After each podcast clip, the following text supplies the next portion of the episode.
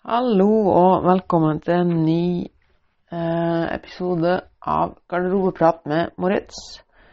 Jeg legger ut en god del intervju eh, i ny og ne, men hver søndag kveld så legger jeg da ut en liten miniepisode der jeg snakker om uka som har gått, og for å forberede på uka som kommer. Og egentlig er det litt tilfeldig hva jeg snakker om her, og det er litt tanker som jeg har gjort med forrige uka som har vært, og slike ting.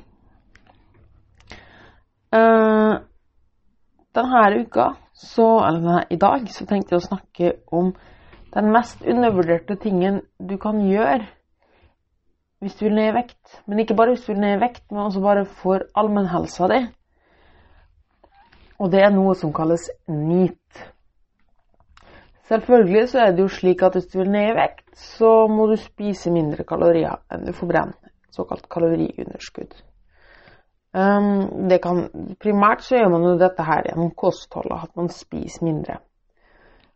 Men, det, ofte, og, men, i tillegg så vil man ofte også trene. Og det syns de er veldig bra. Spesielt styrketrening er viktig hvis du går ned i vekt for å opprettholde muskelmassen og kanskje til og med bli sterkere. Samtidig har også styrketrening mange andre fordeler. For å redusere beinskjørhet, redusere aldring, gi det mer energi, etc., etc., etc.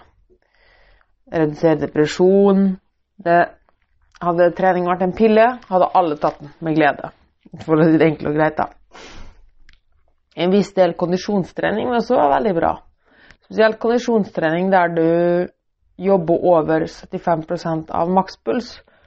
For da kan du jobbe med å øke kondisjonen din og få et sterkere hjerte. Det blir på en måte som styrketrening for hjertet, da. Det gjør igjen at du kan at du orker å trene mer. Mm, at du har bedre restitusjon, og at du generelt bare forbrenner litt flere kalorier i løpet av dagen. Rett og slett fordi kroppen bruker mer oksygen. Og det, når kroppen har oksygen tilgjengelig til forbrenning, kan den forbrenne, forbrenne energi, aka forbrenne kalorier. Mm. Så det er også veldig anbefalt. Så du bør trene styrke og utholdenhet. Men det er ikke her nøkkelen ligger for vekttap. Fordi hvor mye trener du i løpet av ei uke? La oss si du er ganske, ganske, ganske flink og trener syv dager i uka. Én time. Da har du sju timer med trening i uka. Um, det er jo mye. Men hvis vi setter det i perspektiv til hvor mange timer ellers som er i løpet av døgnet. Du har 24 timer ganger 7. Um, ja, 1000 Ja, så da har du jo ikke 1000, men du har 168 timer i, døgn, i uka, da. Syv av dem er trening. Så du har fortsatt 161 timer uten trening. Sannsynligvis sover du en stor del av dem også. Uh, la oss si du sover til sammen 21 timer, da. Så har du fortsatt igjen ja, sånn cirka la oss si da 120-130 timer igjen på døgnet, da. Hvor syv av dem er trening. Det er lite. Så da kan vel du kanskje også skjønne at det kanskje ikke har så mye å si på forbrenninga di. For dette her er jo noe som går hele dagen, og det har kanskje ikke så mye å si til på generelt livet. Eller det vil være veldig bra med tanke på muskelvekst, skadeforebygging, alt dette her, men ikke når vi tenker med tanke på kalorier. Fordi syv timer i løpet av en uke er kjempelite. Men vet du hva du har masse av? Det er hverdagsaktivitet og alt annet du gjør. Og denne biten som er ekstremt undervurdert når det kommer til vekttap og vanlig helse. Uh, tar, la oss se på vekttap først, da. Tenk hvor mye tid du har til rådighet til hverdagsaktivitet. Gå en tur, ta trappa, parkere lengst mulig unna, fikle litt mer, alt sånne ting. Gestikulere litt mer, stå ved pulten. Alt dette øker hverdagsaktiviteten din. Og hvis du er litt flinkere med å øke hverdagsaktiviteten hele tiden, så har du plutselig forbrent en god del mer kalorier. Fordi selv om det å gå ikke forbrenne særlig mye kalorier like mange kalorier som det å løpe, f.eks., så kan du jo gå mye lenger, og det krever mye mindre å gå. Eller at du tar trappa hver gang du skal gjøre noe, i stedet for å ta heisa, eller at du går og henter deg en kaffe på jobben. I, i seg sjøl så forbrenner en sånn enkeltting ikke særlig mye. Men legger du det sammen i løpet av uka, kan det bli enormt mye. Vi snakker 500-1000 kalorier mer per dag. At du forbrenner det mer per dag. Og det er ikke noe tall jeg bare finner på, det er det flere studier som viser. Hvis du vil søke opp, så kan du google NEAT. N-E-A-T. Det er Non-Exercisal Activity Thermogenesis. Så energien du bruker når du ikke trener, på andre ting, da, som fikling og tur og sånne ting, den er undervurdert. Du kan gjøre så, forbrenne så sinnssykt mye mer hvis du har en høy NEAT, altså mye hverdagsaktivitet. Det er derfor jeg nesten anbefaler alle kundene mine å ha 1000 skritt, 10 000 skritt hver dag. Fordi det skal ganske litt til å få det til. Um, og det har så sinnssykt mye å si på lang sikt. Det er akkurat samme som med kalorier, egentlig. At hvis du drikker en kaffe med, med en kjeks hver dag, en, så er det kanskje ikke så mye å si på den dagen. La oss si at det kanskje La oss si at kaffen inneholder helmelk, da, så er det kanskje på 150 kalorier siden en liten kjeks, og det har du hver dag. Det er bare en rutine du har. Det blir ganske mange kalorier på lang sikt. Det er akkurat samme som renta i banken. Der og da har det én dag har ingenting å si, men på sikt så blir det ganske mye penger ut av det.